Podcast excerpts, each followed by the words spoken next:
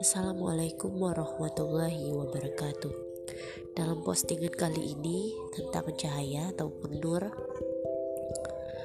saya bacakan terlebih dahulu bahwa selalu ada cahaya dalam setiap kegelapan bagi yang memang mau mencarinya. Selalu ada jalan dalam setiap masalah dan selalu ada harapan dalam setiap doa. Sungguh orang yang berjuang itu tidak merugi. Bukan soal ada atau tidak adanya. Namun semua itu harus disadari. Mulailah muhasabah diri. Karena hidup ini tak serta merta mendiri karena yang sendirilah yang mesti sadar diri.